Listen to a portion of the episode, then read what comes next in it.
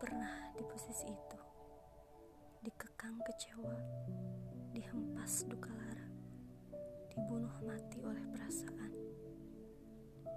Satu-satunya yang perlu kulakukan adalah mengikhlaskan dan menjaga hatiku agar kelak tak lagi mati dicekik harapan semu.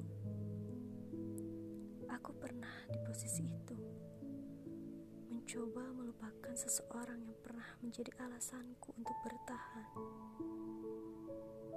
Aku pernah di posisi itu dulu, kalau aku mencintaimu, tapi hanya kau anggap sebagai angin lalu.